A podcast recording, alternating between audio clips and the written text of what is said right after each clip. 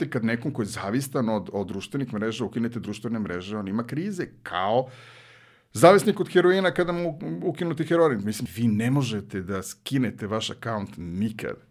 Sada su društvene mreže generisale toliko poslova, toliko profita. A šta bi se desilo sada kad bi neko uništio sve satelite i kad bi ukinuo internet tog momenta?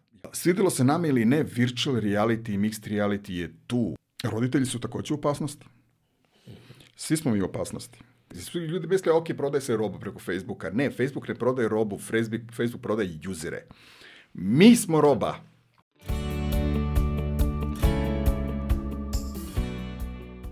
Moje ime je Ivan Kosogor, a vi slušate i gledate podcast Da ti to možeš. Sa mnom je danas Boris Đurić. Dobrodošli. Dobrodošao. O!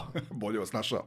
Ovaj, danas pričamo o jednoj veoma, veoma zanimljivoj temi i zapravo sve je krenulo pre nekoliko dana. Ja sam razmišljao svoje vremeno o tome, ali kao nisam znao sa kim bih mogao da pričam. I onda producent, novinar, napisao knjigu za javni nastup, pričat ćemo i o tome, ali tema se provlači kroz to da je danas sve na društvenim mrežama javni nastup. Gostovali ste u jutarnjem programu, ja sam gledao sa svojom porodicom i pomislio sam, bože, koliko je važna ova tema.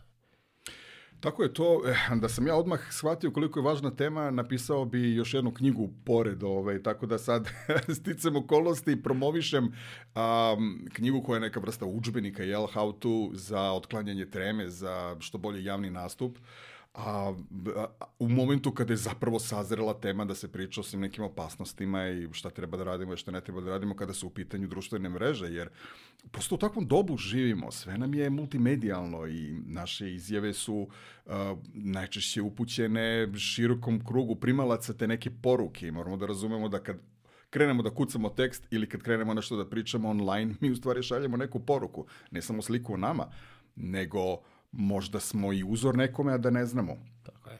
Tako je, tako je. I bilo bi banalno reći uh, opasnosti na društvenim mrežama postoje definitivno i uh, zanimljivo, mislim da sam čuo i to od vas. O, stvari, prelazimo načelno, tako smo se dogovorili. Na ti. Na ti, tako da, mislim da sam čuo i od tebe da, u stvari ne, nisam čuo od tebe, znam gde sam to, uh, da je recimo alkohol zabranjen do 18. godine u nekim državama do 21. godine, ali društvene mreže danas deca imaju i sa 5-6 godina roditelji koji su, pogotovo one mlađi, koji uopšte nisu ni svesni pretnje koja stoji, a to je ozbiljna zavisnost, gde se upoređuje, zapravo ja sam radio neko istraživanje, odnosno gledao neko istraživanje, gde se pokazuje da je kao u kazinu u Las Vegasu, kad odemo i kad povučemo onu ručku, gde nas ono možda ćemo dobiti, zapravo stvara, o, o, o, podstiče naš dopamin i mnogo se osjećamo srećno, ali postajemo i zavisni sada tu ručku možda imamo u svom telefonu na društvenim mrežama, možda mi je stigla poruka, daj da proverim, možda mi je neko lajkovo sliku, daj da proverim i mi ne znamo kako da se izborimo sa tim. Vidiš, to ti je interesantno zapažanje da je to kao neki jackpot otprilike, a možda ćemo da ubodemo ovaj premiju, a možda ćemo da izgubimo sam novac, odnosno možda će nam biti loše. Pa jeste, može bi tako, kao neki rulet, mm. možda ruski rulet. Mislim, um, ono što sam ja primetio, kad sam ja počeo da, da, da obraćam pažnju na, na te stvari, um, nedavno moj prijatelj mi je poslao set, pošto on prešao na, na neki novi, poslao mi je uh, VR set, virtual reality, naočare i kontrolere. Kakav, ja to nikad nisam probao, kakav je osjećaj? A, prvi put sam se iskreno uplašio. Stvarno. Uplašio u smislu... Um, ta, ta tehnologija, prvo sam shvatio da je ta tehnologija definitivno novi internet. Znači ono što mi sada doživljamo kao internet, kao neku um, must have, bilo gde se nalaziš uh, za posao, za bilo šta, virtual reality ili ti mixed reality, to je nešto što je naša vrlo bliska budućnost koja će da bukvalno kao, kao internet bude najnormalnija stvar. Pa evo pogledaj sada, a, kada smo, a, ajde kažemo na neki način, naterani da što manje se družimo, da radimo od kuće, vi preko VR seta možete da upravljate ozbiljnim poslovima. Imamo primer Kineza koji je neurohirurga koji je preko VR seta i specijalne opreme izvršio um, u realnom vremenu operaciju na mozgu kod pacijenta koji je bio udaljen 3000 km zahvaljujući 5G mreži. I zato polako dolazimo do onoga, ok, evo zašto nam treba 5G mreža da bi sve to moglo da komunicira, da funkcioniše i kad sam video prvo potencijal, prvo mi je bilo jako zabavno, prvo, znači onaj wow efekat postoji. Kad vidite šta, šta sve možete da uradite, onda počnete polako da da shvatate da, ovaj, ok, treba nam neka pilula za vraćanje u normalnost, kako se vratiti iz, iz te realnosti. Druga stvar, vrlo važna, a, primetio sam, pošto imamo tu dve različite stvari, imamo virtualnu stvarnost koja je kompjuterski generisana, kroz koju možete da se krećete, imate interakciju sa, poput u video igrama, jel, ovaj, možete da uzmete, konkretno, mislim, uzmete i nahranite ribice u akvarijumu ili sve to dok ste u svojoj sobi u nekom virtualnom svetu. Konkretno, ovo sad scena koju sam rekao je Half-Life Alyx. Ovaj, a, brutalno dobra video igra. Ali baš za VR svet. I vi možete da se sagnete, pogledate, možete da se uhvatite za, za kvaku, da otvorite vrata, da prođete kroz vrata. Vi određujete polje kretanja u vašoj sobi koliko možete da se krećete, a da negde ne, ne udarite, ne, o nešto ne zapnete. A možete i da podesite kao stationary kada je, uh, zapravo imate kao neku ogradu. Kad se približite, odmah iskoči i kaže vam oprez, možete se povrediti. Ali šta je ono što što me više fasciniralo, a to je, uh, to su video snimci 180 stepeni, 360 stepeni. Znači, zaista ste tu. Ta dubina, um, ta putovanja kroz koje prolazite, da li je Pariz, da li je Venecija, da li su Seychelles, Maldivi. I jedna stvar koja mi posle, jedno sam proveo, pošto nisam često u VR-u, imam previše posla realno, i uhvatio sa sebe da se dva sata prove u VR-u, bez problema. To nije ništa. Imate na YouTube kanale, kanalima ove, vezanim za VR ljude koji se takmiče pa po sedam dana ne skinu VR i tako dalje. Da, da. Ali, posle tih dva sata, ja sam imao kao neki flashback, neke flasheve i shvatio sam da moje sećanje na ono što sam video u VR-u je apsolutno identično kao sećanje na nešto što sam stvarno doživio u životu.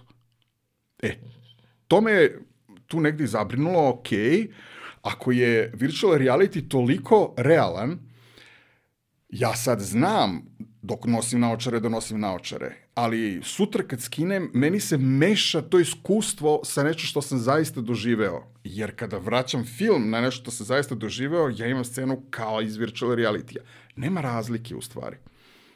Nema nikakve razlike. I onda možete obrnuto postaviti pitanje, ok, a možda je ovo što mi zovemo realnost u stvari neka kvazi realnost. Ali bi da skliznem sad u neke ovaj, te teme, da, da vratim malo na, na, na opasnost. Fascinantna stvar ovde kod nas je poprilično nova, ali na zapadu nikako nije. Na zapadu već duže vreme ta tehnologija je, ajde da kažemo, skoro i da nema kuće koje nema. Um, ja konkretno imam taj Oculus set, a Oculus je firma koja je kupio Facebook. Sad dolazimo do još jedne interesantne činjenice, a to je da najnoviji set Oculus um, ne može da se aktivira ako nemate Facebook nalog. Tadam, odmah znak uzvika ili znak pitanja Ok, pa dobro, kao nije problem, evo šta, napravit ćemo Facebook nalog, ali vas već u startu primorava da budete na nekoj društvenoj mreži. I naravno, spozorenje, ako niste dobri na toj mreži, ne samo što će vam ukinuti društvenu mrežu, odnosno vaš nalog na Facebooku, nego automatski više nemate ni VR set.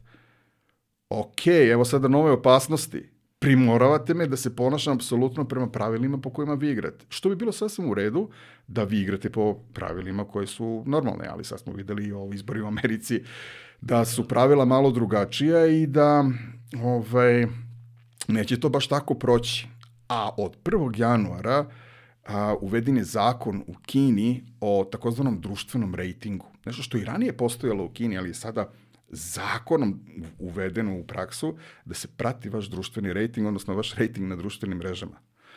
Pa ako se ne ponašate u skladu sa nekim normama koje propisuje zakonodavac, vi onda imate listu problema na koje možete da nađete.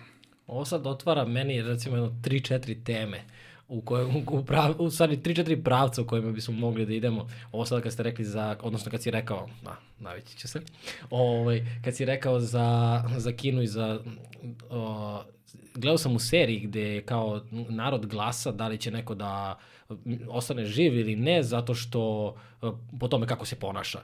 I to je bukvalno jedna epizoda gde smo, ne znam da si ti jedna gledala to sa mnom, ali neka serija u svemirskom brodu i tako dalje, znači potpuno neka budućnost, ali sam pomislio ovo je potpuno realno. Mi danas glasamo po znacima navoda tako što lajkujemo određenu sliku za koju većina nas zna da ta osoba nije toliko srećna kao što je srećna na toj slici, ali mi kao odobravamo to.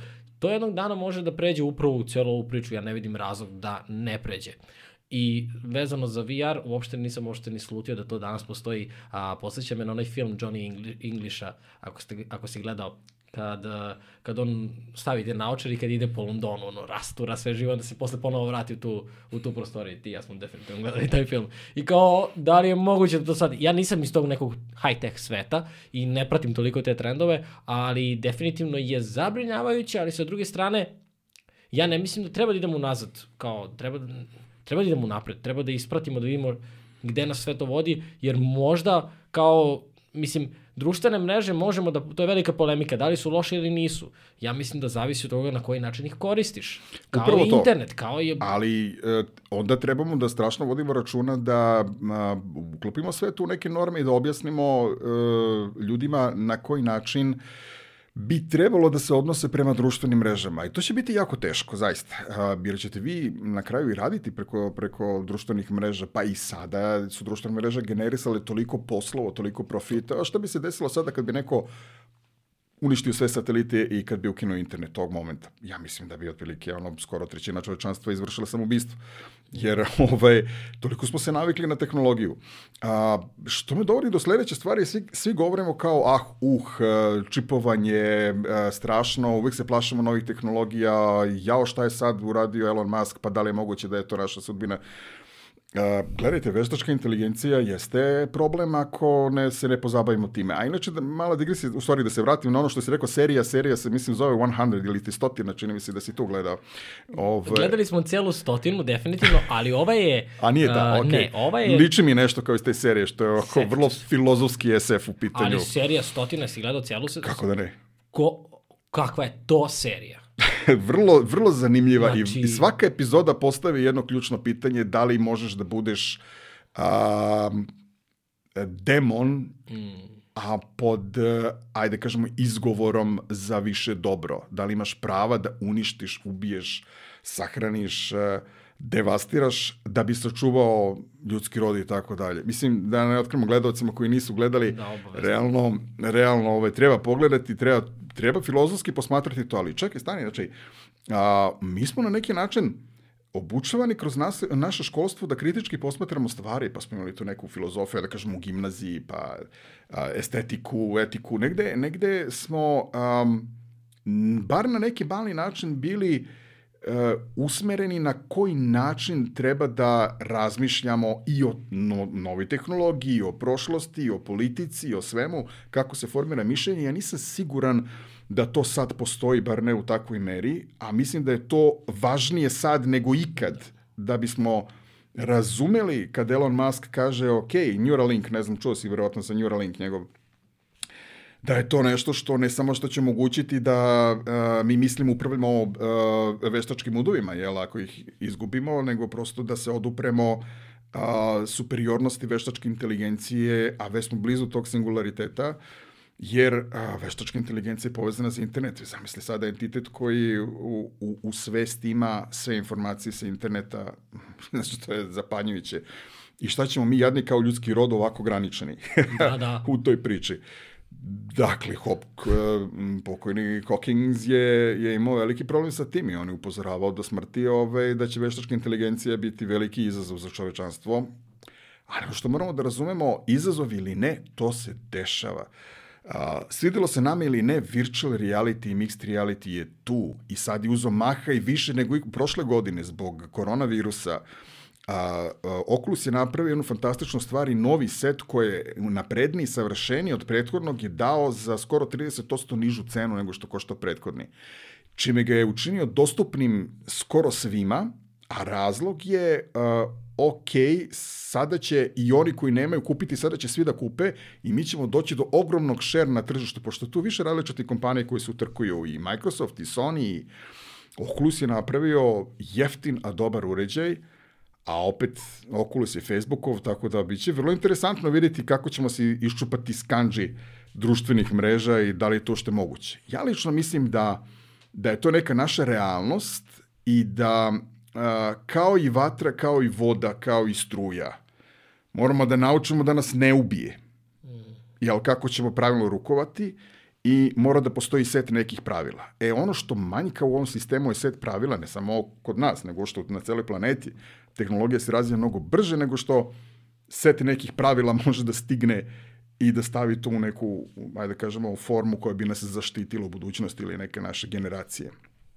Da, da, ali recimo sada kada gledaš hronološki, na primjer ti, se nisi rodio sa društvenim mrežama i naučio Ni sa internetom. ok, i zato si morao da neka, sa nekim normama i nekim pravilima se upoznaješ i prvi Facebook, ja se sećam kad sam i ja napravio čak Facebook, za mene je to bilo, nisam dve godine upalio to, šta će mi Facebook? izađem napolje, pa ja znam gde su mi drugari, znam sa kim ću da, da vodim, ono, da provodim vreme, da se družim i tako dalje. Ali. Mihajlo, koliko ti imaš godina? 17. Pa ne znam da li je on rođen sa Facebookom, nije. Jeste. Ali si... Sa društvenim mrežama, bile su kada si ti rodila tako društvene Možda je bio Mislim, dok, dok je postao svestan, bio je ovaj, već e, je, da, da, da. Danas se deca rađaju u svetu u kom je sasvim normalno da imaš akaunt, e, da to. imaš profil i za njih je to mislim, a oduzmi detetu telefon danas od 3 godine na 5 minuta i vidjet ćeš šta je histerija. A, to je zavisnost od telefona, ali to, to su ljudi, roditelji krivi zato što šta urade e, kad je dete nervozno, daju mu telefon ili tablet da ga smire, je da, tako? tablet, nova ovaj, Odmah sad, sadržaj, mislim i to je razumljivo, ali ja nekako volim da, da mislim, aj, um, obratili smo se Mihajlu, inače ovaj, sinu, Naslednik, koji će, da. koji će ovaj, napuniti, bit će punoletan uskoro. A, I gledam po njemu, e, evo, treba čovjek da polaže vožnju i jako je važna stvar koju sam ja rekao, ne možeš sve vreme biti fokusiran na tvoj telefon zato što usmeravaš pažnju na jedan mali deo za vožnju, ti treba periferni vid ako ne želiš da te neko ovaj, sa strane e, dočeka kako ne treba, znači mora, moraš da imaš jako razvijen periferni vid, a sve vreme pažnju fokusiraš na ekran telefona. To je ono što treba da radimo. Mislim, ok, pošto sam ja svestan tih stvari, inače, nisam slučajno svestan. Ranije sam radio jako davno jednu emisiju, to pet godina sa, sa jednom ekipom sa studija B, ta emisija se zvala Intro.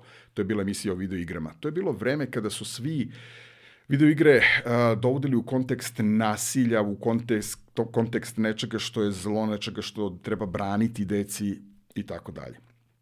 I tada smo imali istraživanja koje su pokazala da pravo nasilje dolazi sa televizije, to je broj jedan. I danas je tako. Vi sa televizije zapravo prihvatate uh, najviše nasilja, a posle toga idu video igre. A, jer video igre su fantazija, a na televiziji možete da vidite realne stvari. I televizija je dalje broj jedan što se toga tiče. E, sad je interesantno vidjeti da li će televizija nadživeti ovu tehnologiju, radio uspeva, što je fascinantno da se održi. A zašto kažem da li će televizija nadživjeti? Pa, realno, evo nas kod tebe, da, da. u jednom televizijskom studiju koji se suštinski ne razlikuje što se tehnike tiče od onog studija u kome sam ja započeo karijeru na studiju B.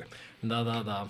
I to je, mislim, pa podcast je nastao kao ideja da podcast, znači pod je play on demand i cast kao aircast, što znači da kad god hoćeš da slušaš neku emisiju, ti možeš da je pustiš sam i ono što ti želiš možeš da biraš, jer televizija ti servira određeni sadržaj, a ti možeš da izabereš, imaš, ne znam, da na svetu ima 8 ili 9 miliona podcasta danas. Tako da je očigledno bila velika potreba ljudi, ej, neću više ono što mi serviraju, hoću ja sam da biram svoj, pa i Netflix je na osnovu toga napravljen ja hoću da biram koji ću film kada gledam.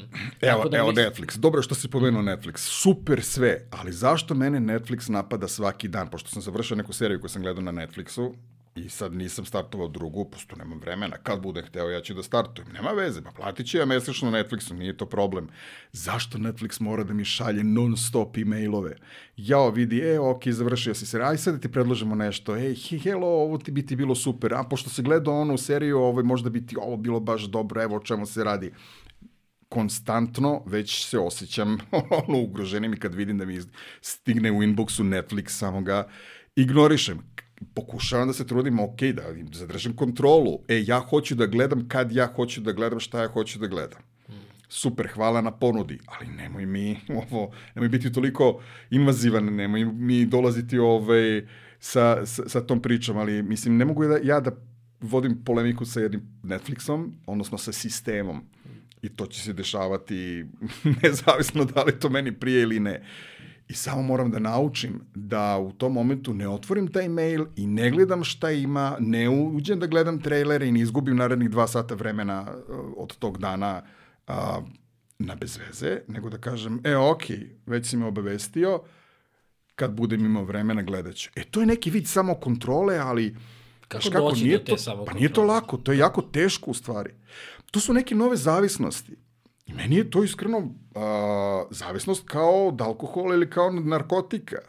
Realno. I kad pogledate kad nekom ko je zavistan od, od društvenih mreža, ukinete društvene mreže, on ima krize. Kao zavisnik od heroina kada mu ukinuti heroin. Mislim, prosto to je, ili alkoholičar bez alkohola, to je, on ne, on ne, ne može da, da živi normalno bez toga. Znači, ne, nije, nije funkcionalan bez doze. Da, to je- da. Društvene mreže su stvari. inače dokazano da je uh, zavisnost jednaka zavisnosti od kokaina. I za mene je to bilo kao, i ono što mi jako zanimljivo jeste da kaže da jedino društvene mreže i uh, narkomani se nazivaju users. E, da, to je, to je... I meni to je za da, mene da, bio da, da. tako dobar podatak kao... "Ah." Znači, mi smo svi users ovde u ovom trenutku. Ali to što si Tačno. rekao, agresivne kampanje je očigledno strategija 21. veka, to je sve aplikacije. E, Mislim, meni Facebook ja ne koristim toliko, imam aplikaciju normalno zato što po, postavljam ove epizode i na Facebooku, ali ja ako ne uđem par dana, meni na Facebooku odmah uh, stigne notifikacija da li si video ko ti je sve lajkovao profilnu sliku. Mislim, ne interesuje me. Ali očigledno da oni znaju tačno kada šta. I jako zanimljivo isto je da do onog trenutka dok ne kliknem na Facebook, meni, meni ne iskaču notifikacije. Kako zna da sam tu, tako je, što je naravno algoritam i sad ne otkrivamo nas dvojica toplu vodu, ali razlog zašto smo spomenuli društvene mreže i zašto sve ovo, samo o ovome pričamo je, zašto sam stvari tebe zvao u emisiju, je zato što si ti stručnjak za javni nastup, iz nekoliko sfera dolaziš i sve uključuje javni nastup, ali čini mi se da danas ne postoji nešto gde nije javni nastup, pogotovo društvene mreže. Tako je, tako je. I ne treba pocenjivati to. Ne treba pocenjivati i efekat toga, e, da vi ostavite efekat. Pa šta je ono što je izazov, šta je ono na šta se ljudi, ja da kažemo, navlače? A, Navlače se na publiku. Odnosno na osjećaj zadovoljstva koje je opet e, proizvod nekih hemijskih reakcija i neurotransmitera u organizmu, jel zadovoljstva kad imamo publiku, još kad imamo publiku koja nas podržava, pa koja nas obožava, pa koja nam još daje feedback nekim komentarom i mi smo onda involvirano, smo uključeni u sve to i uh, u mreži smo, kao ribica. Iz, izvlače nas posle na suvo i završimo u nekom sušiju. A, ali, um, realno, da, da, da, da, onako, smotani, isickani, posluženi. Um, uh, to, um, postoji jako dobar dokumentarac, ovog momenta ne mogu se setiti, ali setit ću se kako se zove, o Facebooku, uh, ljudi koji su radili, i to menadžeri Facebooka, marketing menadžere, rukovodioci. Social Di- Dilemma? Social Dilemma, tako je. A, svako ko nije gledao treba da pogleda, zato što je taj dokumentarac otkrio šta se prodaje. Ljudi misle, ok, prodaje se roba preko Facebooka. Ne, Facebook ne prodaje robu, Facebook, Facebook prodaje juzere. Mi smo roba. Tako je. Mi imamo etikete, mi imamo bar kodove, mi smo... Uh, ja sam pokušao da, da, da svoj um, nalog na Facebooku ukinem, odnosno obrisao sam ga. Znači, arhivirao sam neke tekstove, arhivirao sam fotografije, sve i išao sam na delete. Ispostavilo se da sam ga samo ja za sebe obrisao i da je on i dalje vidljiv i da je dalje u sistemu i da ne može da bude obrisan. Zašto? Pa zato što je to roba koja se prodaje kao to, da li aktivna ili ne, onaj krajnji kupac koji kupuje, ne zna. Znači, akaunt ne možete da obrišete na Facebooku. I onda se rekao, ok, bolje da preuzmem, bolje da vratim akaunt i da preuzmem kontrolu, nego da nemam pojma, da akaunt postoji, da nemam pojma šta se dešava. Vraćanje akaunta je bilo jednim klikom, sve je bilo tu, sve moje fotografije, se, znači, nikad nije u suštini bilo obrisano, samo sam bio pauziran zapravo iz prometa, ali vi ne možete da skinete vaš akaunt nikad. Mm, Ovo je novo, ovo nisam znao. Ne, on to ostaje. nešto od skoro misliš Evo, da probaj, i- probaj da skineš svoj Facebook Da, account, da, da. arhiviraj sve i kažeš sada delete, ali delete. Ja znam da može da se obriše kao na ne, neodređeno vreme i onda ne mogu da ga srčujem ništa, ali ako ukucam moj e-mail i lozinku, on će mi automatski vratiti kao da je sve tamo Odakle gde ga vraća stalo. ako se ga, ako se ga obrisao? Da, da, da. da. Znači, on stoji u arhivi. Takav kakav je. Da. Da kaže, kad, ne plaćaš ništa, onda znači da si ti roba. I radi, I vidi, taj u arhivi radi, zato što krajnji korisnik, on kaže, ok, ja hoću da mi to ide, ne znam, da, da se moja reklama uh, svima koji su bili zainteresovani za tu temu ovaj, vrti. I on ne zna da je, ne znam, možda 30% ugašenih akaunta, ugašenih, po znacima navoda, oni su u stvari zbog toga aktivni. Ako su to ljudi koji su bili zainteresovani za temu i njima se šatro vrti, pravi se... Mislim da je čak Facebook tu negde bio i na... Odnosno, Zuckerberg je zbog toga da li ga je neko tužio, da li to, sad, slago ćete, ne znam tačno šta je bilo, nešto slično tog tipa je bilo, ovaj, ok, um, lažete da imate toliko, da, da to ima toliko efekta, da to ima toliko, toliko, vi imate juzere, ali realno, da li to zaista onom koji plati, da li će ta informacija doći, tu negde ne možemo, ne možemo da gledamo. O tome se radi, vi imate vaš ugašen kanal, oni vaš kanal i dalje prodaju. Zato ga ne gase. Jer vi ste u sistemu. Ok, zato kažem, ne, ne mogu da ih pobedim. Znači, ne, brisanje je pobeda, ali pošto ne mogu konačno da obrišem, mogu samo da ja ne znam šta se dešava na tom kanalu, bolje da je tu i da kontrolišem i da vidim da li nešto mogu da usmerim, nekako to neki privid kontrole koji je bolji iz moje perspektive, dakle ovo je samo moje mišljenje, bolje je čak i neki privid kontrole da imam uh, nego, da, nego da znam da negde tamo postoje moje podaci koji su u nekom algoritmu i dalje se vrte i okreću i neko zarađuje na tome, a Mm, Da, da. A šta misliš ja se da pravim kao da ne postoji. na, za druge društvene mreže? Mislim, ne misliš znam, da mislim da isto je priča? Pa slična stvar, evo gledaj šta se sada dešava, ovaj, a, Facebook je kupio i sad kako smo krenuli da pričamo o ovome, ispada kao da ja ono, imam kampanju protiv Facebooka. Ne, Da, da, da. Sad sam Ovaj, da te pitam, jel misliš da treba imati nalog uopšte? Ne, a, pa ja mislim da vi ne možete da izbegnete nalog i mislim da treba da imate nalog, evo zašto. Zato što kroz, e, to je, to je društveni rating. To je, u Kini je to e, sada zakon. Ali u Kini Ali nema vi- Facebook, na primjer. Jako zanimljivo. Sad pričamo o tome. a- Oni imaju njihove neke. Tako imaju njihove, um, e, to je zato što su jako ranjivi, ako im Amerikanci ukinu Facebook, onda mogu kao da im naprave, isto važi i za Rusiju. A, naša Rusi klasa, nemaju Google, da. imaju Yandex, ali imaju svoje satelite. Znači, Kinezi imaju svoj internet, Rusi imaju svoj internet, ali svi smo negde deo te neke globalne mreže. Ali šta hoću da kažem? Hoću da kažem da vi ako hoćete da se zaposlite negde, nije dovoljno da vi donesete vašu diplomu i da kažete, e, ok, ja sam sad diplomirao, ajde sad da vidimo ovaj, dobar dan, ja stigao. Vas će da prekontrolišu i vidjet će da li imate profil na, dru- profil na društvenim mrežama. Ako nemate profil na društvenim mrežama, vi ste sumnjivi i neće dati šansu uopšte da imate posao. Zato što ne mogu da vas provere. Ako imate profil na društvenim mrežama, onda postoje algoritmi koji proveravaju, koji kažu, aha, ok, za to mesto koje mi otvaramo, kandidati su ti i ti, dakle ne, ne radi to osoba koja sad gleda pa fizički tu nešto, Mislim, kad, su, kad je veliki broj uzoraka u pitanju, onda to rade algoritmi. Na manjem, na manjem, manjem broju uzoraka to rade ljudi. Konkretno, ja, ja sam doživeo da meni HR jedne velike kompanije ovaj, izneseo meni podatke koje ja znam sigurno da ne postoje na mom web sajtu, odnosno web sajtu firme. To su moji lični podaci. I onda mi je ona rekla, pa da, ali mi najmanje gledamo web sajt firme kada nekoga angažamo za neki posao, mi ovaj, hoćemo da vidimo sa kim zaista imamo posla. Tako da pre nego što sam ja dobio šansu uopšte da pričam sa njima, oni su znali kompletan moj background, sve što ima, sve što postoje meni na internetu. E, to je suština stvari.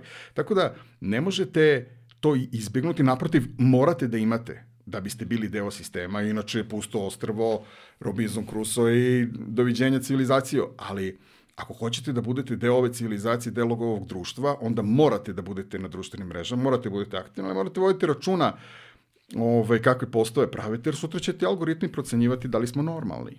Da, da. ovaj, pa mogu samo da se pojave jednog dana čeki u belom, pa vi dokažete da, da je sve u redu sa vama, ovaj, oni imaju listing neki tamo, ovaj, koja je neka mašina napravila da niste po normama. Ne bih želeo da plašim da podižem prašinu, ali to, e, ono što se zaista dešava sada, to je procenjivanje a, osoba a, m, na, a konto a, utiska na društvenim mrežama. Koliko vas ljudi prati, koliko ste uticajni, to se sve danas gleda. Kako se obrazovati za društvene mreže? Šta misliš da je rešenje, s obzirom da ja sam recimo, uh, kada sam krenuo na fakultet, ja sam odmah imao svog mentora, Sinišu Ubovića, sa kojim, ne znam da li znaš Sinišu, Ne. Uh, da li ste se nekad sreli, pošto on dosta na televizijama.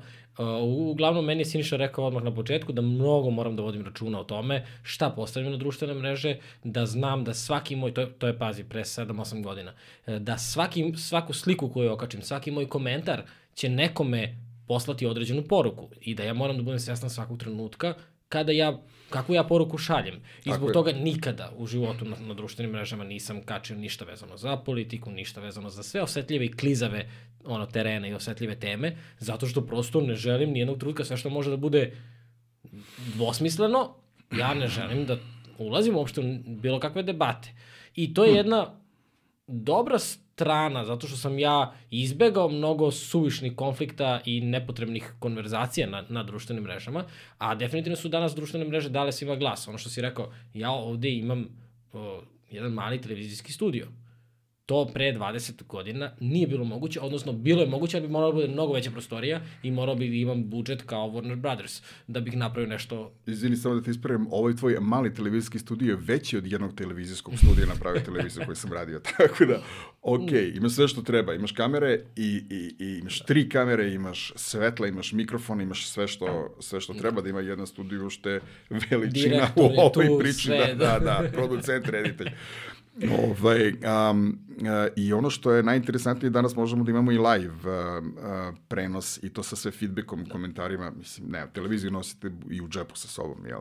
Apsolutno. A, to će nam, to nam omogućava moderna tehnologija, nego se vratimo na gospodina Ubovića, ovaj, um, on baš je glumac inicijalno, da, da, da, tako, da, da, da, da, da. Uh, um, Između ostalog. Potpuno je u pravu, to što je rekao. Potpuno je u pravu.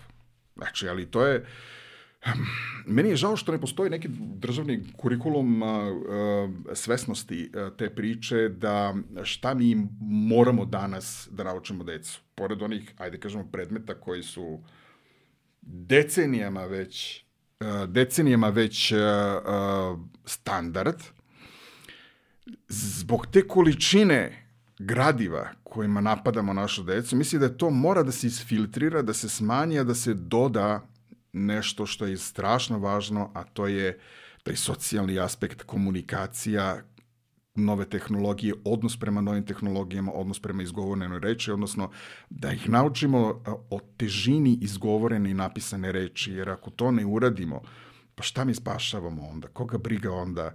Kolika nam je teritorija i da li koristimo ćirilicu ili latinicu? Nećemo postojati kao narod uopšte. To ne znači, ne kaže samo za nas, ja ovo govorim za ceo svet. Međutim, poprilično sam siguran da na zapadu uh, u elitnim privatnim školama uh, takvi kurikulumi postoje. U državnim javnim ih nećete naći. Ali mi, ako hoćemo da malo nas ima, ako hoćemo da stvari budu kako treba, moramo da imamo jedan zdrav odnos prema tome. Sa druge strane, opet, postoji go with the flow, sluč, mislim, baš na tim društvenim mrežama neko šerovo reklamu od, iz nekih 70. godina ili 60. A, dečak ulazi u prodavnicu, dečak je možda peti razred osnovne škole ili šesti razred, dakle toliko je mali i ovaj zaboravi šta treba da kupi i tamo na nekom telefonu okreće zove mamu i ona ga podsjeti da treba da kupi Rubinu vinjak za tatu. Danas je nezamislivo da vidite u reklami dete u osnovno, iz osnovne škole koje kupuje vinjak, ali onda to bilo najnormalnije. Zašto? Zato što se nije podrazumevalo da, da je to poruka deci da treba da počnu da piju. Zaista niko tom nije, o tome nije razmišljao. Međutim, danas je sve poruka. Danas i kad nećete, vi šaljate poruku. Vi kad čutite, vi šaljate poruku. Sve je poruka. Pa hajde onda da pokušamo tu poruku da modelujemo na pravi način i da znamo da artikulišemo naše misli i da kritički posmatramo te vesti i sve te poruke koje se slivaju sa društvenih mreža, uopšte preko interneta, da znamo, evo jednog frapantnog primjera, i tu sam čak ja nasao, moram da priznam, mislim, u momentu, um, um, nažalost, napustila nas je, nas je Mira Furlan, uh, glumica, i u tom momentu svi su počeli naravno da šeruju da, da je ona umrla i u jednom momentu iskoči uh, da je to hoax. Iz neke, ne znam, sa nekog sajta američkog, da su oni kontaktirali i da je ona žrtva, još jedno u nizu žrtvi celebrity death coax i da zapravo je živa i zdrava. Ono što sam nisam uspeo da vidim je uh, kako, koja je struktura te web strane. Uh, kad se malo bolje pogleda, vidi se da ne postoji nikakav profesionalni pristup izradi i da je previše ima tu klikni na neke gluposti koje nemaju veze s ovim temama. I ja sam čak šerovao i onda kad sam shvatio, onda sam skinuo to. Ja šerovao sam po sistemu kao, ja zamisli šta se dešava, da li je moguće da, da je Bira Furlan živa, a da stvarno ovaj, um, da je u pitanju hoax. I onda sam ukapirao, neko i na tome zarađuje. Hoax je da je hoax. Napiše, ok, on, uh, laž je da je Mira Furlan umrla i onda svi klikću da vide o čemu se radi da pročitaju taj tekst, a oni tamo beleže broj klikova. Da, da. I ovaj, to je takozvani clickbait ili ti mamac da vi klikćete jer oni dobijaju pare za to. I onda vidite, smo mi upali u jednu ozbiljnu degradaciju svega, smisla, morala. Um, moramo vratiti nas same na neki kurs uh, i ugraditi taj neki moralni kompas, jer bez toga nećemo znati više, sutra nećemo znati šta je istina, šta nije. O, kad me neko pita šta sam pokrenuo podcast, jedna od bitnih stvari je, jedan od bitnih razloga zapravo je taj što sam shvatio da više nije bitna istina i ja želim da ovde bude istina. Znači da je to glavni aspekt mog podcasta je da ne ulepšavamo stvari, da ne pričamo neke gluposti, da ne pričamo nešto što neko želi da čuje, nego pričamo istinu. I meni to jako važno, zato što na, danas, upravo što si rekao, danas na med, u medijima, što na društvenim mrežama, što na medijima, klasičnim, da li definiše istinu? istina važna. Pa, pa šta je danas istina? Mm. Da li je danas istina više puta ponovljena laž? Da li je tačno da je više puta ponovljena laž istina? Da li je danas više nego ikad to tačno, jer više puta ponovljena laž u svim mogućim medijima je istina? A, plašim se da malo ovaj, smo izgubili e, način na koji razumevamo šta je istina, šta je ne. Šta, šta nije istina, pardon. Um, I nema tu nekog, ja ne mogu da dam odgovor na to pitanje. To su u stvari, ovo što mi ti ja sada pričamo, to su jako teške i ozbiljne stvari. Da. Što mi sad kao sedimo, pijemo čaj i eto tako, ovaj, demagogijom se nekom bavio na tu temu. Ne bre, ovo su, ovo su neke ključne stvari od kojih ne možda raz, zavisi budućnost naš ili nas ili naše dece. Um, I nemamo prave odgovore na pitanje. Zašto? Zato što vidimo nekad je bilo zapravo, evo da napravim to neko poređenje, nekada smo mogli da razlikujemo mainstream medije od nekih medija koji su, koje smo mi označavali kao, da kažemo u novinarskom smislu, kao neke a, neproverene izvore. Pa ako hoćete da prenesete neku vest i pogledajte da li su mainstream mediji objavili, ako jesu, e, onda je to istina. Danas, pa čekajte, mainstream mediji su se izjednačili sa nekim, pa mi imamo novinare na, na najvećim, najjačim kućama medijskim e, e, i, i to ozbiljne novinare koje dozvoljavaju sebi da u reportaži, odnosno u razgovoru sa sagovornikom kažu pa neka statistika pokazuje. Čekaj domaćine, koja statistika? To je, da ne kažem za koje medije, ne, neka istraživanja su pokazala, neke statistike, ne, ti si kako da, si u tom mediju, u mainstream mediju, treba da kažeš a, Galup je objavio istraživanje tad i tad po kome je a, objavio ili rezultat ankete ili ne znam šta, to je pravo novinarstvo danas, da danas je, je to jedan haos. I moramo se nekako vratiti, moramo da pokušamo da se vratimo u tu priču, da kažemo, je, ok, vidi, ako ti sebe zoveš novinar, ne možeš i ne smeš da navodiš neodređene izvore. Da, da. Zato ja nisam novinar kad dobijem u komentarima. Izvinite Kao, se. kako ste dobar novinar? Ne, ne, ne, ne. O, ja sam sagovornik. To mi je draže nego šalim se, naravno. A, da se vratimo ponovo na javni nastup, na nešto što je tvoja ekspertiza. A, društvene mreže. Sve javni nastup. Sve što kažemo se računa, sve što prećutimo se računa. Koji su tvoji saveti za nekoga ko je, uglavnom slušam mlađa populacija, koji su tvoji saveti za, za a, nastup na društvenim mrežama? I definitivno, malo pre si rekao da je trebalo da napišeš još jednu knjigu, očekujemo Očekujemo pa, tu drugu. Mo, moram, da zaista su se stvorili uslovi da, ovaj, da ovu temu koja je možda i važnija ovaj, na neki način. Ne znam da li na našem, izvini što te prekidam, na našem jeziku samo hoću da pokažem i, i knjiga, bit će link ka knjizi u opisu, tako da svako ko je zainteresovan. Uh, ne znam da li na našem jeziku postoji uopšte javni nastup na društvenim mrežama. Kako da ne, bo sad si ga izgovorio, postoji. Mislim, knjige, tako... da li, da li je neko obradio tu temu, da li se neko pozabavio time sa naših prostora, to mislim. Nije da sam ja to primetio, ali ja mislim da, ja, ja se nadam da jest. vidi, jer mislim bilo bi tragično da sam jedini ono kao, ne mislim, realno, a, a, o, ali o, o tome bi trebalo da se naprave debate, trebalo bi sociolozi, filozofi, psiholozi, a, pedagozi, da pričaju o tome, o to, o, da, da, da otvore te teme. A, tako da um, a, ja se iskreno nadam da će, da, da evo mi sad kao otvaramo temu, da će neko ovaj, to shvatiti tu ozbiljnost i da, će, da ćemo vidjeti u našim mainstream medijima jel, ovaj, neke polemike na, na, na tu temu.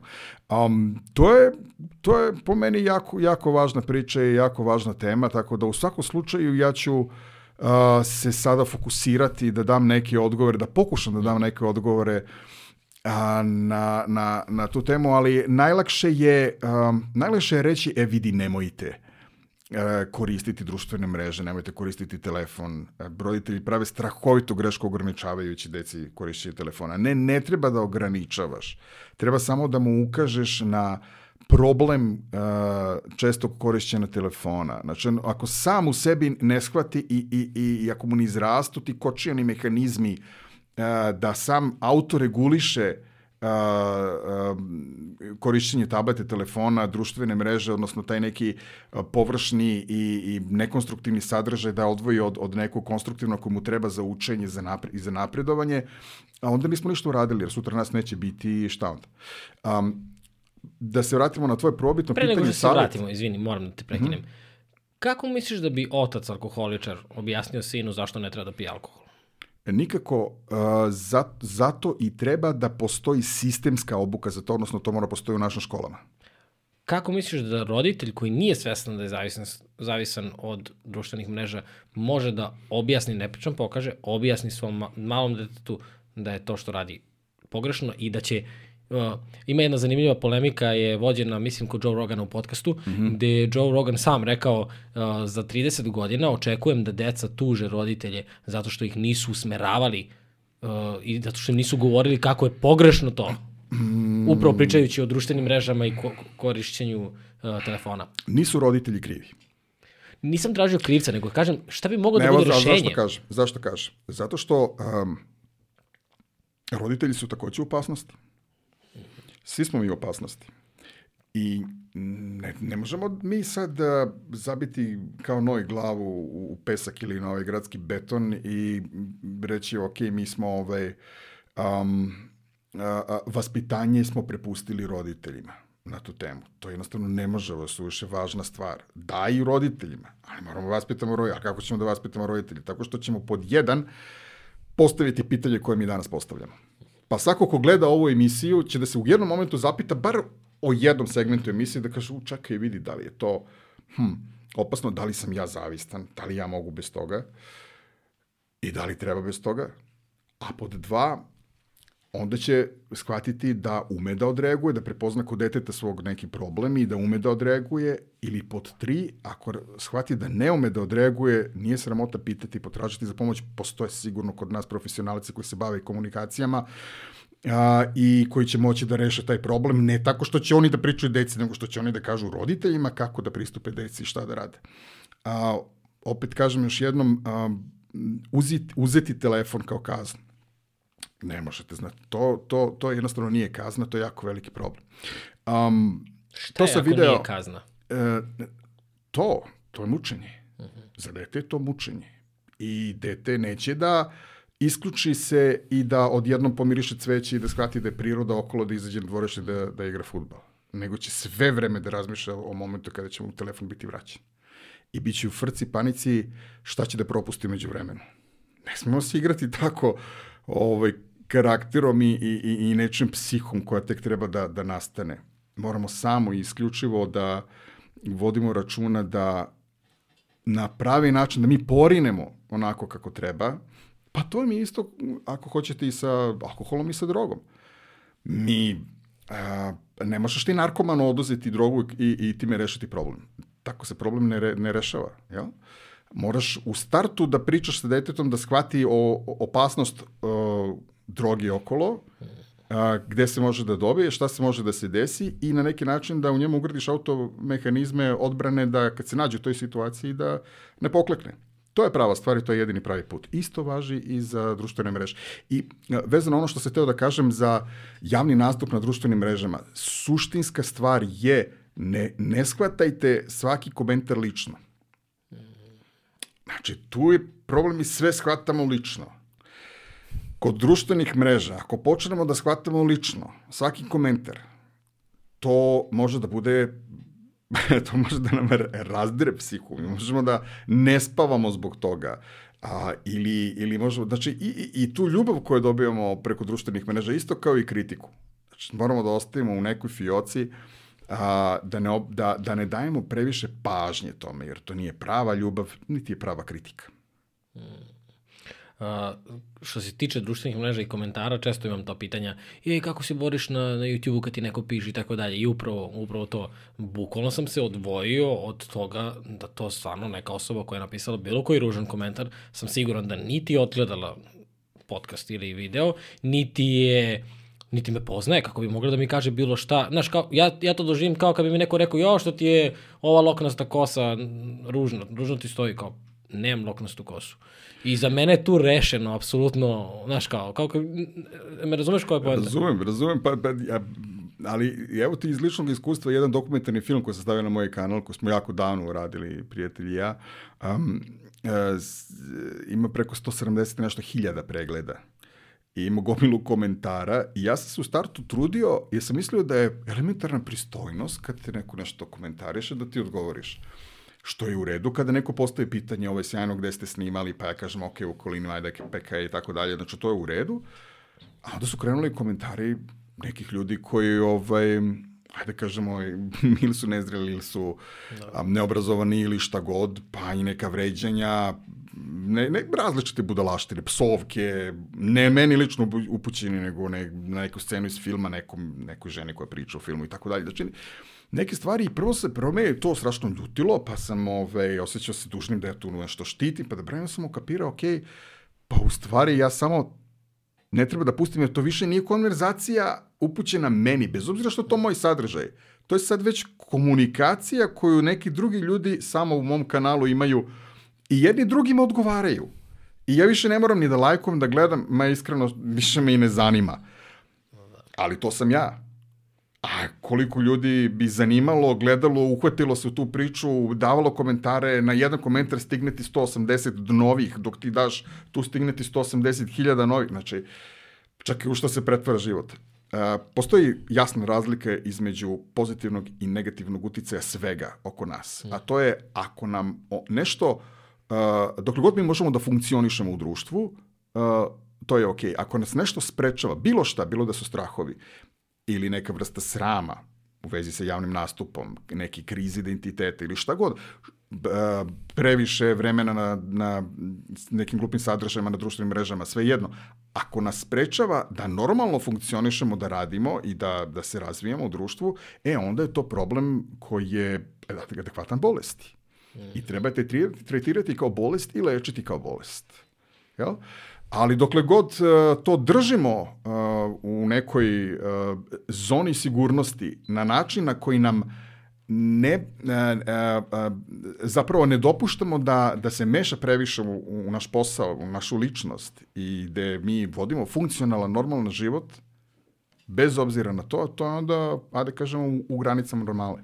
A da li misliš da je moguće, mm, ja sad izgleda kao ti postavljam pitanje i očekujem odgovore, zapravo lepo si malo pre primetio da smo obojica postavljali neka važna pitanja, čak i u samoj konverzaciji neko može da zaključi da se zapita nešto novo. Tako da ne misliš samo da je sve usmereno ovako, ali no, interesantno mi je sve ovo što si rekao, pogotovo strahov i sram. E, na društvenim mrežama nekako imamo tu mogućnost da sve te strahove stavimo po strani, da sve, svu tu sramotu koju osjećamo zamaskiramo, da izgleda kao da funkcionišemo normalno. Jer ono malo pre sam nešto počeo da pričam pa smo otišli u jednu temu, ali kao uh, koliko je tebi bilo ok kada si imao 20 godina da zamisliš da se čuješ nekim telefonom i da ga ne znaš, i da ne znaš apsolutno ništa o njemu, ali da se nađete negde. Ili tvojim roditeljima da si rekao kad si imao 25 godina, e, idem, upoznao sam nekog preko telefona. Znaš, danas je to normalno. Nikako, vidi, apsolutno, Pa ja mislim da ni danas nije normalno. No, kako? Na, na Instagramu se upoznaš, lajkujete se malo, uđete da, u priču. Da, u nekom virtualnom prostoru. Ne, ali iz ali virtualnog to pretvoriš prostora- u fizički prostor, hm, Ali to iz je već- virtualnog prostora izlaziš, na primjer, Emily i ja, mi smo se upoznali poslednji dan u Americi. I Mhm. jedino što nam je ostalo jeste bilo da se dopisujemo preko Vibera. Danas, uh, bit će za, za dva meseca, dve, dve To- godine to sam ja brak. možda malo konzervativan zbog, zbog ovaj, godine proizvodnje, on, a, ali... a, Ali otvaramo to pitanje. ja sam ipak iz nekog analognog vremena, Vraćamo iz se neke na vi. druge zemlje, jel, neka Jugoslavija koja je imala obrazovanje i neki sistem koji imala, ali dobro, a, a, ne možemo mi da damo, mislim, ne znam, Pitanje evo... je, e, pitanje je, možeš da zamaskiraš. Danas možeš da E, budeš kogod hoćeš. Čekaj, to ti je ključna reč koju si rekao zamaskirati ili ti maska. To je suština svega. Ja se sećam da sam najbolje žurke pravio onda kada su to bili um, susreti pod maskama. Zašto? Zato što ljudi kad stave maske, a dovoljno da iscrtaju cvetić negde na, na, na obrazu ili nešto i to deluje kao maska. A, ljudi se opuštaju i lakše su upuštaju komunikaciju. To sam primetio jednom i onda sam to testirao na svakoj sledećoj žurki. Prosto nije mogla da za moj rođendan znalo se da se, da, da se ljudi ovaj, šaraju, maskiraju i da i uvek je bilo sjajno. I znam da je bilo sjajno onda kad nestanem i kad se vratim posle pola sata niko ne zna da sam i otišao. Ali um, da, maska, to je to. To je ono što imamo sada. To je ono što, mi smo a, osobe koje su zatvorene, ali stavimo masku i onda nije nikakav problem jer to je neko drugi. To su društvene mreže, mi stavimo avatar. Tako je. Mi stavimo neku masku. Mi se krijemo iza svega toga. A u nekoj neposrednoj komunikaciji situacija je malo drugačija. Ok, kapiram, i ovaj kanal distribucije informacija i neki kanal komunikacije. I u modernom dobu komunikacija, shvatam, vi ste se upoznali na taj mnogo ljudi, Tinder, ovaj, ok, ono, swipe left, swipe right i te fore. Ja kapiram da, da, um, da je to da to ulazi ono, ili je već ušlo u neke, u neke sfere normalnosti, moja supruga i ja smo se upoznali na žurci, ali Maske ili E, šalice. šalice. na žurci, da, u stvari, to je sad, u stvari znali smo se mi još iz kraja, nema veze. Ali, e, hoću da kažem, mi smo se puno družili. U, druženje. To je nešto što, što mislim Kako bi da opisao taj nedostaje. pojam? Da, definitivno, zato ti tražim da damo definiciju Pa- druženja. Tako je, druženje u Viber grupama, druženje u virtual reality setovima može i u redu je samo ako vas razdvaja kilometraža. Ako ste na različitim kontinentima, jel ono ne možete se sretnete. To je u redu i to je onda, da kažemo, neka kompenzacija. Ali ako ste tu u istom gradu, opet sad, ok, ja razumem ove mere i sve to. Ne pričamo u ovom periodu, ali možemo da, znaš, Ja, a, meni je strašno krivo što moj sin od prvog do evo trećeg razreda a, srednje škole nije bio na toliko žurki na kojima sam ja bio. Jer naše žurke nisu bile samo u okviru nekog našeg malog društva, nego je to, point je bilo širenje društva. I glavna stvar je bila dovesti nekog ko je nov i otići na neku žurku gde ne znaš, ne nikog, neko te dovede, ali, ali širenje krugova prijateljstva, to je bila suština našeg nekog odrastanja i mi smo lako završavali sa brojem poznanika koji idu na 40, 50, 100, 150 pravih kontakata, a ne followera na Twitteru i ovaj, drugara na Facebooku. mm, da, pogotovo danas gde, ti sad možeš da imaš 5000 pratilaca ili 5000 prijatelja, a zapravo si ne, o, zapravo se osjećaš jako usamljeno i to je ta, to je ta maska o kojoj, kojoj pričamo. I to je, mm, Znaš, mislim, s jedne strane, društvene mreže su dale ozbiljno neko ko je introvert i neko ko se stvarno ne snalazi dobro. Ja lično znam ko ima preko 100.000 pratilaca na YouTube-u i ko radi fenomenalno i osjeća se dobro i zaista je dobio jednu priliku koju možda pre 50 godina bi bio u sobi zatvoren i sluša muziku i to je to. Ali to je biznis, je li tako? Sa tim brojem pratilaca kapiram da to mora da bude neki biznis. Da, naravno, normalno. jel, javni nastup je onda domen biznisa i tebi treba toliko pratilaca i ok, i to ima svoju uh, formu i svoje značenje kroz biznis i to je sasvim u redu, to je legitimna stvar. Ali uh, pravo druženje je kad ti nekoga vidiš kako se ponaša u nekim situacijama, konkretno o, I to je ključno pitanje koje sada si, u stvari, ključna stvar koju si rekao i da se potiče od nas i da, bez obzira da je neko roditelj, da je neko klinac, da je neko tinejdžer, 25 godina, 30, nevažno je, ali svi možemo da krenemo od sebe. E, tvoja knjiga Javni nastup, e, još jednom ću da, da je pokažem, e, od prepelice do predatora. Šta možemo sve da očekujemo od ove knjige, šta možemo da naučimo u kratkim crtama i gde može da se kupi?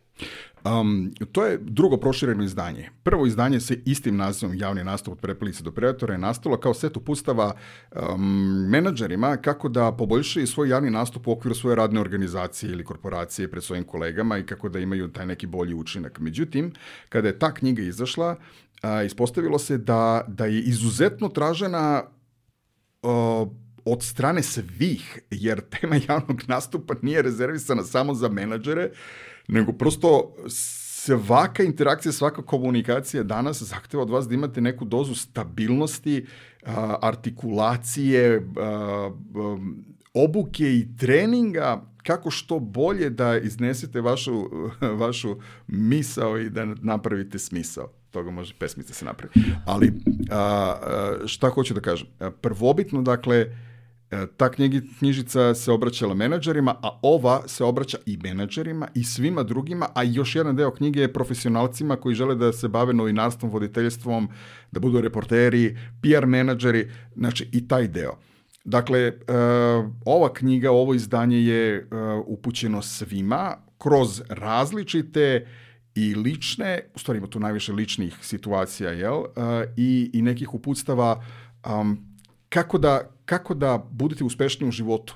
Jer danas ako imate bolji javni nastup, vi ste ajde da kažemo, uh, u startu bolji od nekoga ko javni nastup, ko, ko je introvertna osoba. I, I jako važna stvar da kažem, uh, da, postoje introvertne i ekstrovertne osobe, to, to, to je neki head start za ekstrovertne osobe, ali uh, svaka introvertna osoba može da nauči da ima javni nastup uh, mnogo bolji od neke koje je u startu ekstrovertne osobe, a nema nikakvu obuku po tom pitanju. I druga stvar, nemojte misliti da profesionalci nemaju tremu. Svi imaju tremu, svi imaju neki adrenalin. Um, ponese vas, um, e sad, amatera će to da sputa i on će se od toga uplašiti i doći do niz komplikacija. Profesionalac zna kako da to hendluje, to je samo adrenalin koji se izluču krvotok i šta da uradi, da smanji nivo adrenalina, nekim tehnikama disanja, da se uspori, da uspori misli, da se fokusira i da nastupi na pravi način. Sve se to vežba, sve se to trenira i ne možete da nećete verovati koliko, koliko je lako, koliko brzo. Znači, ne trebate to godinama da trenirate da biste dostigli, dostigli neki nivo. Ono, sedmi dan crni pojas. Ne, ne postoji to. Ali takođe, ako ne trenirate dugo, možete da zaboravite i vaš organizam zaboravlja i može da vas e, ponovo stavi u neprednoj situaciju u kojoj ste se do pre koju godinu osjećali kako treba. Jer ja, da evo sad, e, nemam javni nastup u medijima i razgovor na ovu temu narednih 10 godina, dobro, doduše ja imam 30 godina iskustva iza sebe, možda to malo drugačije, ali evo recimo sada počnete, super ste i 10 godina ili 5 godina ne nastupate nigde, vi ćete u startu ponovo vam treba malo da se zaletite i da, da obnovite gradivo, jel? A, a poenta je, um, svi mi grešimo i profesionalci greše. Samo profesionalci kada pogreše, oni tu uspeju da zamaskiraju, da pokriju šarmom, da se to ne vidi. A sa druge strane znaju da i ako se vidi nema veze i to je ključna stvar koju bih rekao ljudima koji tek počinju u nekom treningu javnog nastupa, nemojte misliti, to samo vi mislite iz vaše perspektive, jao, ja sam sada pogrešno izgovorio ili izgovorila a sada me svi gledaju, svi mi su sebi smeju, a svi su stvari ozbiljni. Ma ne, ljudi, polo od njih nije ni primetilo da ste pogrešili uopšte. Pa to, to je samo vaš, vaša lična percepcija kako stvari zvuče. Potpuno opušteno. Potpuno opušteno i sa osmehom. Znam, ne mogu da kažem nekom opušteno ko opušten nije. Ali zna se i način na koji možete da se opustite pred javni nastup. E dobro, sve to piše u nekoj formi uputstava, u, u, u knjizi i ako pomogne bar jednoj osobi, znam da sam uradio pravu stvar. Znači, ovo je definitivno vodič za javni nastup. Zanimljiva stvar koju si rekao za introverte, a to je da, čitao sam baš priču o Bill Gatesu i čoveku koji ga je nasledio, kad, pošto Bill Gates nije više uh, vodio te govore i tako dalje. I sad došao je taj čovek koji je imao sjajnu energiju, koji je skakao po sceni i tako dalje i tako dalje. Međutim, primetili su da ljudi uopšte ne slušaju o čemu se radi, koji je proizvod i tako dalje. A s druge strane primetili su da Bill Gates, koji je potpuni introvert, koji je nema ni, ni trunku uh, kao te igre na sceni i tako dalje, da ga ljudi slušaju tri sata bez da trepnu. I da zapravo to ono što si rekao pokriva, znači celo tu priču to je da može... Sadržaj, a ne forma, je li tako? Super. Da. I priprema. Jako važna stvar, priprema. Mm. Priprema pred svaki nastup. Koliko god da ste veliki profesionalac, ako izbegnete pripremu, može da se desi kiks. To je to. Pročio sam neki citat da ko se ne priprema za pobedu, priprema se za poraz. Tako nešto. Tako je. To Tako tačno. da to može da ima smisla. Ostasi mi samo da mi kažeš gde može da se naruči knjiga, kupi. Uh, uh, ovaj put sam rešio sam da budem izdavač uh, i da uh, ajde da kažemo, kontrolišem to nego prodaju i, i troškove uh, sam, tako da je jedino moguće poručiti knjigu online. Uh, odete na website i Website? borisđurić.com. Borisdjuric.com. Djuric, ok, ima dole da, link, da, tako da, da, što smo rekli. E, e, odmah vas vodi na sajt gde jednostavno u formularu popunite. To su podaci koje, koje, koje ne trebaju meni, nego trebaju zbog e, postekspresa, mm -hmm. ovaj, da to oni traže, jel, kada šaljete, vi popunite, popunite koliko hoćete knjiga, jednu ili više, i te neke osnovne podatke za, za postekspres i u roku 24 sata knjiga je kod vas. Sjajno. E, Borise, jedan jako zanimljiv razgovor. E, nismo planirali, nismo pričali, iznenadio se me sa VR-om i od tad smo otišli u jedan, jedan potpuno novi svet koji ja nisam istraživao, ali si me zainteresovao. Hvala ti puno na vremenu. Uh, sledeći put možemo mnogo više da pričamo o javnom nastupu. Sad sam video kada smo privodili kraju i vidim kako se otvara tema, koliko voliš da pričaš o tome, ali mi je jako važno bilo i ovo što me čačnulo kada sam te prvi put čuo pre nekoliko dana uh, o društvenim mrežama. Uh, postakli smo, bar ja se osjećam uh, da razmišljamo o nekim novim pitanjima u glavi i razmišljamo o nekim novim načinima kako bi to moglo da se reši. Jer kao što sam ti rekao u jednom trenutku, ja ne tražim ovde da ja okrivim roditelje ili ne znam koga i šta, već tražim da se zapitamo šta radimo deci, šta radimo sebi samima i kako da prestanemo sa tim, jer, jer je mučenje. Jer nije, nije nas dovelo do toga da smo srećni, nego nas dovelo do toga da smo sve više usamljeni, depresivni i tako dalje i tako dalje. Tako da hvala ti puno na, na vremenu i uh, svemu što, što si ispričao sa. U ovoj odivi sve si zapravo rekao i, i sažao celu našu priču u par minuta. Hvala na pozivu. Vidimo se drugi put. Hvala svima vama koji ste slušali i gledali podcast Da ti to možeš. Uh, ukoliko ste prvi put na ovom YouTube kanalu, želim da vas podsjetim da je najbolji način da nas podržite tako što ćete se prijaviti na ovaj YouTube kanal. Ćao!